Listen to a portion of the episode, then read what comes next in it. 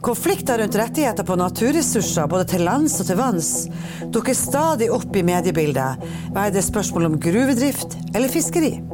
Øyvind Ravna forsker spesielt på disse problemstillingene i tilknytning til samiske rettigheter.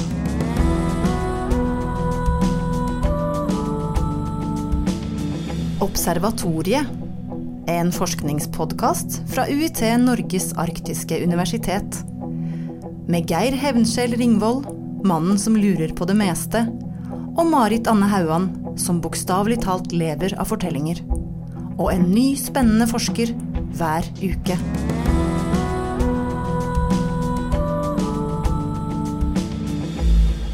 Geir, Ja, Marit. i, i dag har vi besøk av en professor ved Det juridiske fakultet ved Universitetet i Tromsø, Norges arktiske universitet. Det er en professor i juss som faktisk har sin grunnutdanning som jordskiftekandidat, og som etter å ha vært i jordskiftearbeidet, til og med fylkesjordskiftesjef i Finnmark fylke, så kom han til universitetet og en, skrev en doktoravhandling innenfor juss. Ja. Kan du forklare helt kort hva jordskifte er for noe? Ja, vi, det skal vi spørre han om. Ja, det skal vi spørre han om. For den personen det gjelder, er Øyvind Ravna. Yes. Og han, det er mye å si om han. Vi, kan, vi må snakke litt med han om, om, hvem han sjøl er. Men det interessante her er jo at han leder ei forskergruppe innenfor same- og urfolksrett. Og har tatt jordskiftekompetansen sin inn i spørsmålet innenfor rettsvesenet. Eh, I dag skal vi snakke om samerett. Ja.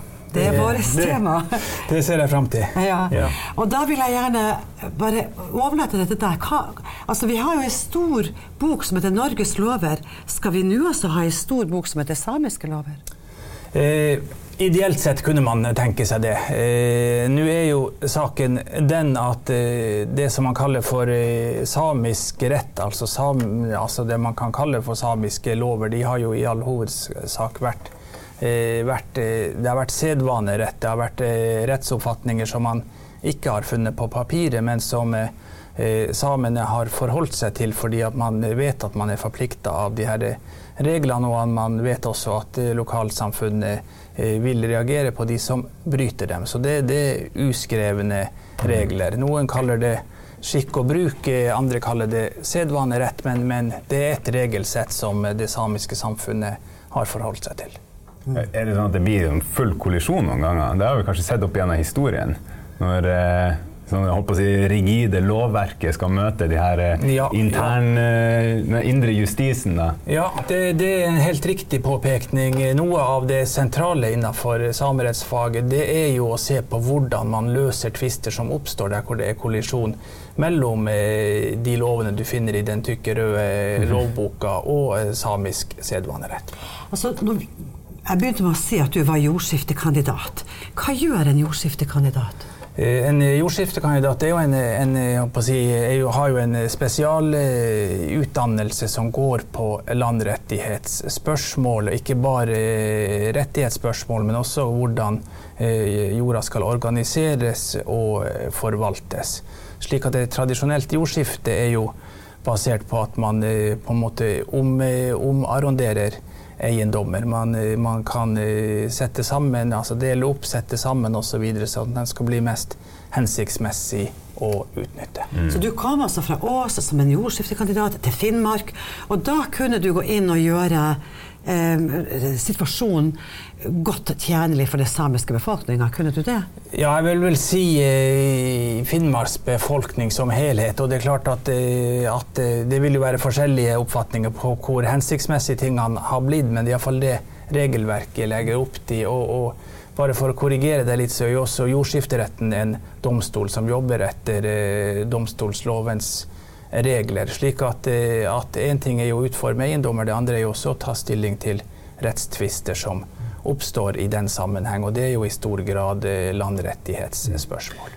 Og eh, Grunnen til at dette er spesielt eh, aktuelt i Finnmark og for samene, det kan vi jo ta en, en helt sånn kjapt sånn historisk eh, eh, bakgrunn på. At eh, Finnmark og, og, de samiske områdene har jo i all tid vært som du sier, eh, håndtert internt i de samiske grupperingene. men det kom, et, det kom, en tid der hvor plutselig samer ikke hadde lov til å eie mark.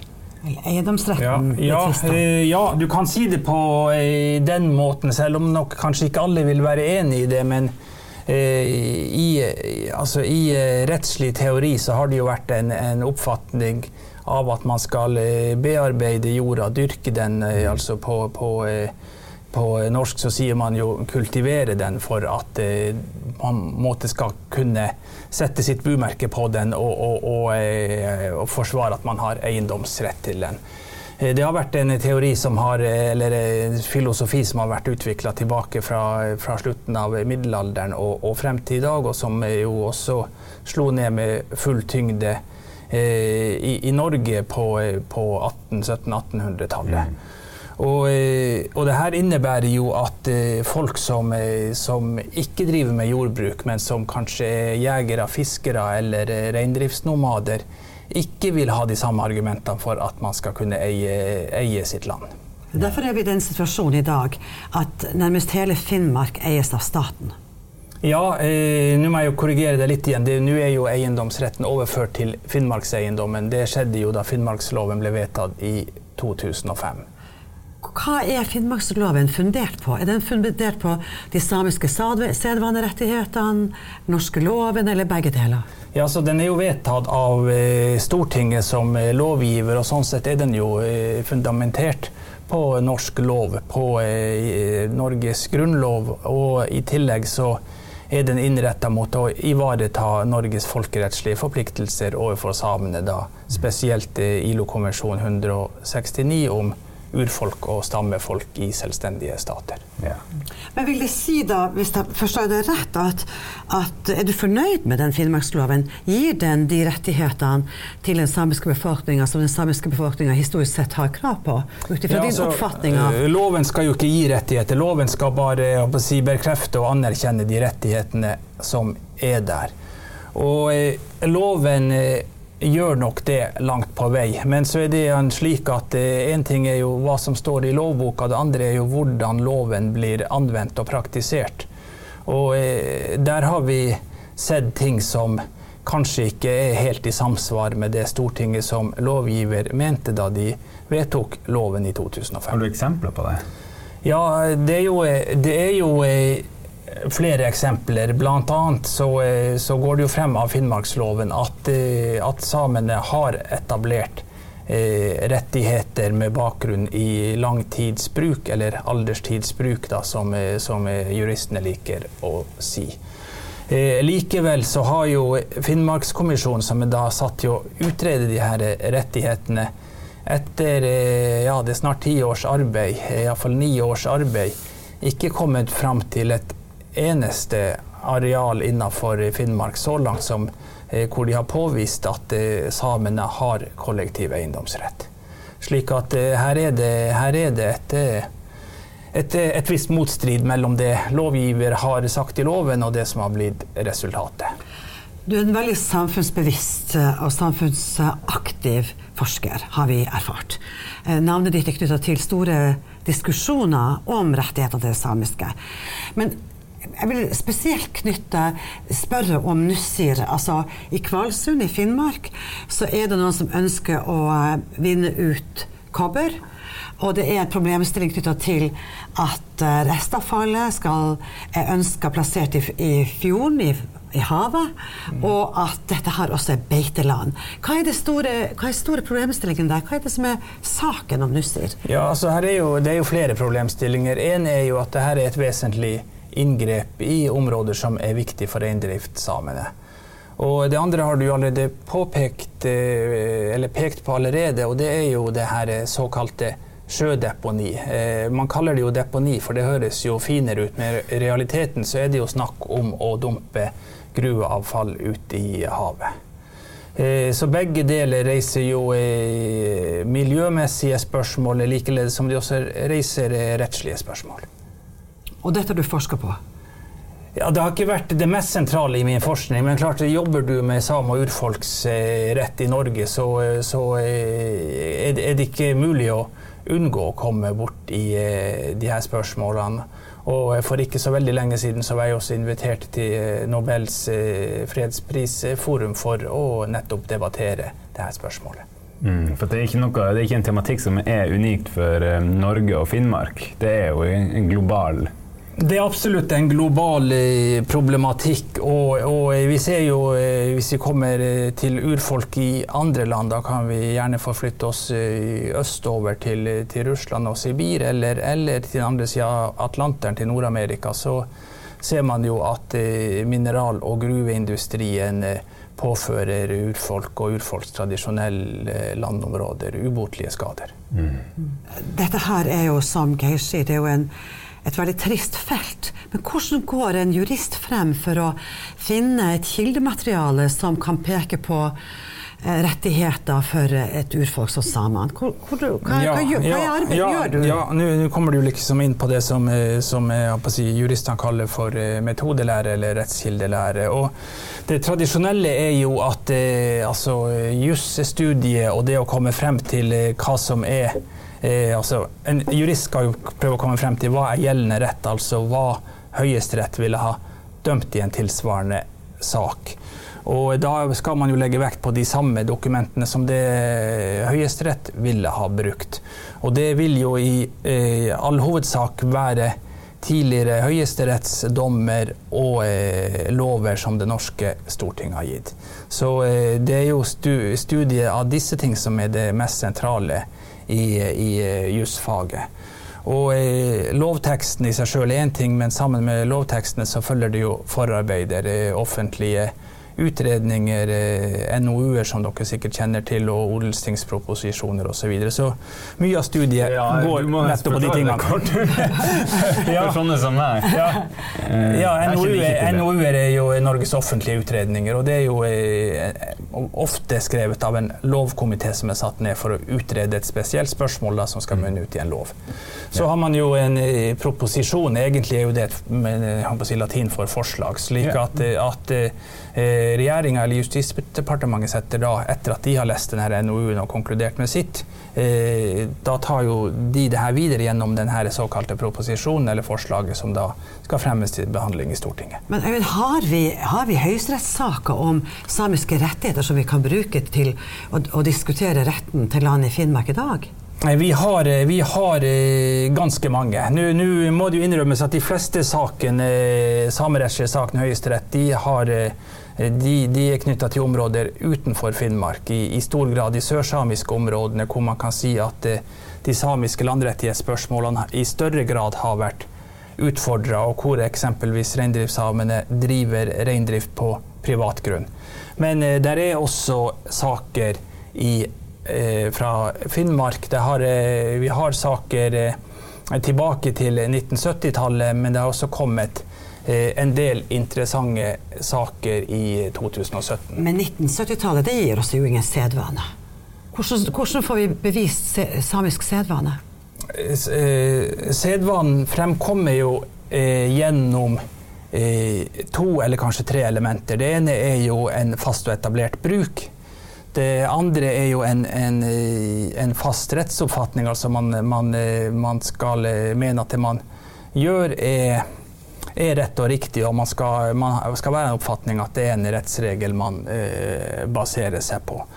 Og Den tredje, som på en måte er en del av det samme, det er jo det som man ofte kaller for god tro, som det refereres til når det gjelder regler om alderstidsbruk og hevd, og som eh, også må være på plass. Og når det gjelder samisk sedvanerett, så har jo eh, Norges høyesterett stilt opp i, i, tillegg to spesifikke krav, og det er jo at sedvanen må være klar og tydelig, altså man skal vite hva den går ut på. Og den skal ha en, eh, en, bestemt kvalitet. Det er altså ikke all lang og tradisjonell bruk som, eh, som har den kvaliteten at de kan, at de kan ha forrang fremfor norske lover i en rettstvist. Mm. Men vil det si at hvis, når du skal eh, argumentere for, hvis du skal argumentere for samisk sedvaner, så må du ikke bare være jurist, men også litt historiker?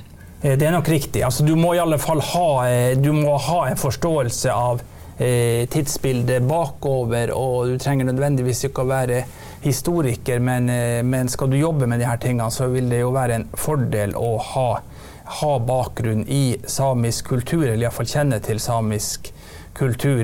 For det er, det er veldig mye av disse tingene som du ikke får inn på skolebenken eller i jusstudiet, men som er erfaringskunnskap fra, fra oppvekst og et liv i et samisk miljø som, som er viktig å, å, å, ha med seg. Mm. Men det er jo liksom, for å være djevelens advokat, så er det jo flere enn samer som bor i Finnmark. Eh, og hvor går egentlig den grensa mellom eh, hva man skal gjøre for å skape arbeidsplasser for, eh, for folk som ikke identifiserer seg med reindrifta og den delen der? F.eks. folk som hadde ønska velkommen gruvedrifta eh, i, eh, i Kvalsund. Hva er det på en måte, hva er det du har å si til Nei, altså, det, der er jo et, er jo et øh, vanskelig spørsmål. Og, og, det er jo slik der, si, der hvor øh, politiske spørsmål støter opp mot rettslige, så, så oppstår det problemer som er vanskelig å løse, og som ofte ender opp i domstolene, og uten at man kan være helt sikker på at selv domstolene tar den rette avgjørelsen. Og, og, det er klart eh, Spørsmålet om økonomi og arbeidsplasser det veier alltid tungt, og det veier også tungt i Nussir-saken. slik at eh, hva som blir det endelige utfallet i saken, om man får gå i gang med gruvevirksomhet eller ikke, det, er, det, det, det, vil jo være bero på den siste avgjørelsen som, som eh, da vil komme fra, fra myndighetene. Hva får en ung gutt i Tana til å ønske seg å håndtere jordskiftesaker og mm. jobbe med denne typen problematikk? Hva ble inspirert av? Ja, altså det, er jo, det, er jo, spennende og det er utfordrende etter, etter mitt skjønn. Altså, eh, Verken juss eller jordskifte er jo eh, tørre ting som bare fins i, i uh, bøker. Og eh, jeg, lot, jeg, ble veldig inspirert av denne boka til eh, Sverre Tønnesen, som egentlig kom ut i, i 1972 eh, som doktoravhandlinga hans, men ble trykt på nytt igjen i 1979. Og det var jo på den tida jeg gikk på, på videregående skole, eller gymnas som det het den, tida, den gangen. Og jeg leste den boka før jeg begynte på det som den gang het Landbrukshøgskolen og jordskiftestudiet. Og det som Si helt kjapt at det er, altså for dem som bare lytter her, så er det ei bok som heter 'Retten til jorden i Finnmark'. Uh, som er en uh, ja, av, svart, svart, og grå bok. av, av, av, Sverre Tønnesen. Ja. Og uh, det som var interessant her, det var at Sverre Tønnesen i, i, i denne boka bl.a. beskriver hele fordelinga når det gjelder forholdet mellom staten og bygdefolket som et gedigent jordskifte i Finnmark, hvor man slo fast hvem som skulle ha de forskjellige rettighetene, og hvordan man skulle utnytte dem. Og det kom da til uttrykk i en resolusjon helt tilbake i 1775. Mm. Eh, senere er denne resolusjonen brukt som et argument på at staten den gang innførte eiendomsrett i Finnmark. men eh, nyere forskning har vist at, at, at, det der er basert på en myte, nærmest for å vise at all eiendom i Finnmark ble nærmest gitt som en gave fra staten til befolkninga. Mm.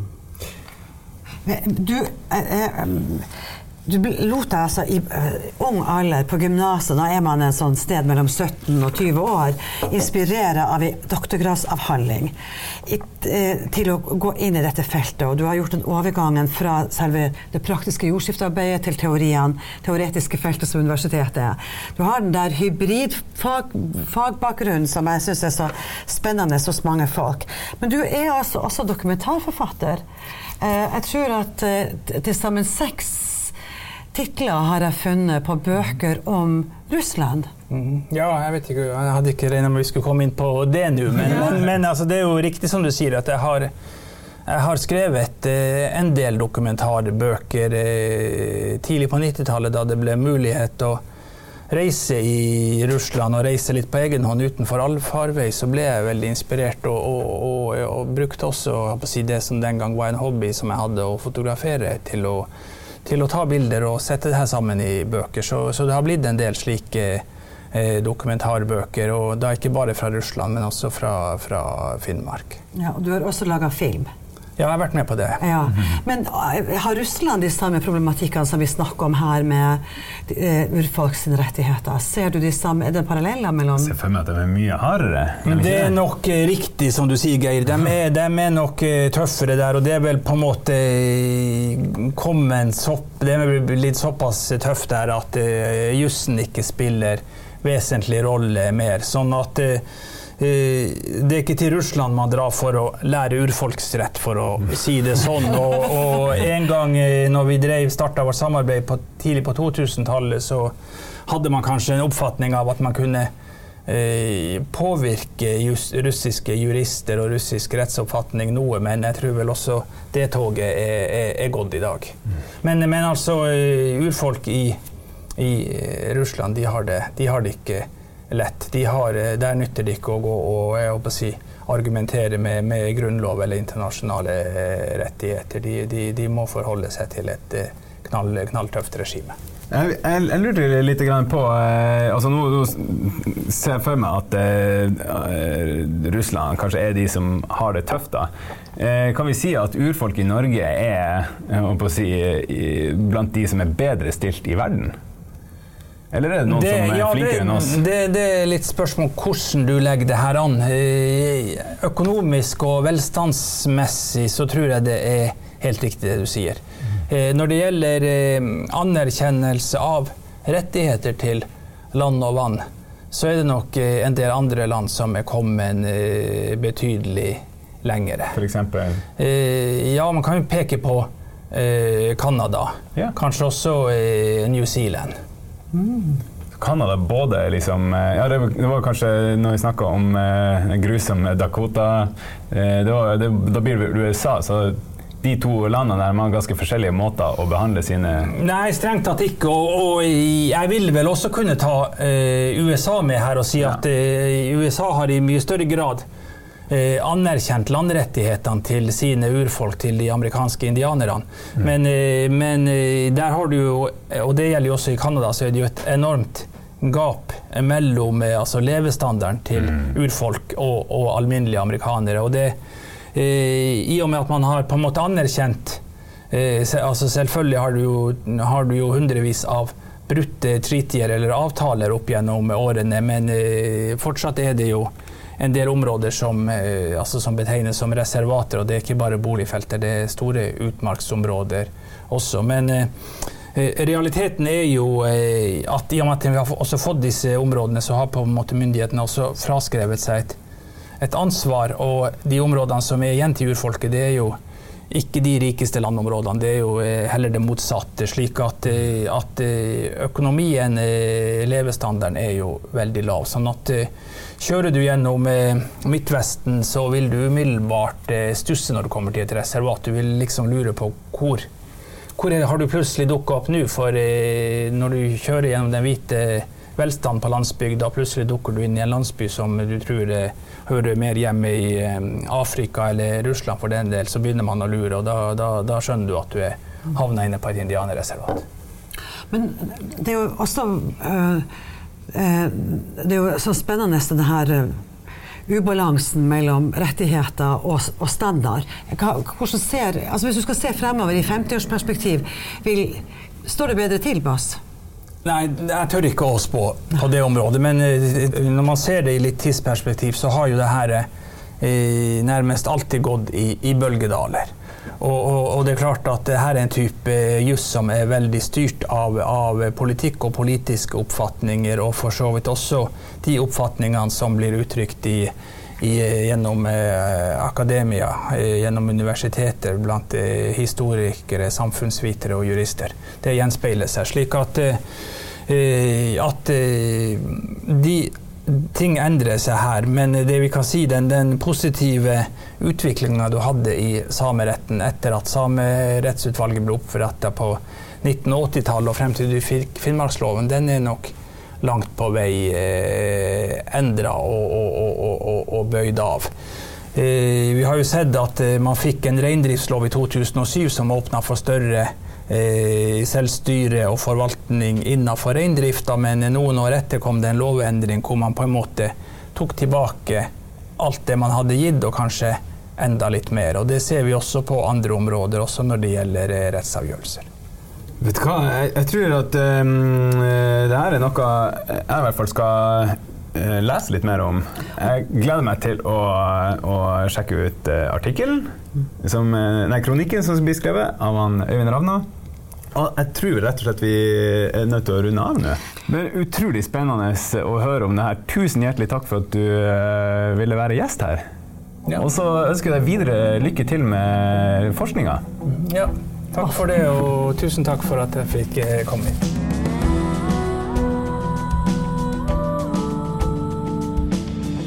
Takk for at du hørte på oss i dag. Hvis du vil høre mer om Øyvinds forskning, følg med på nettsiden uit.no 50, eller følg Facebook-sida vår Observatoriet podkast, hvor vi deler episoder, innblikk fra behind the scenes, blant annet. Du kan også abonnere på podkasten via Soundcloud, iTunes eller enhver annen podkastapp du måtte bruke. Vi høres i neste sending.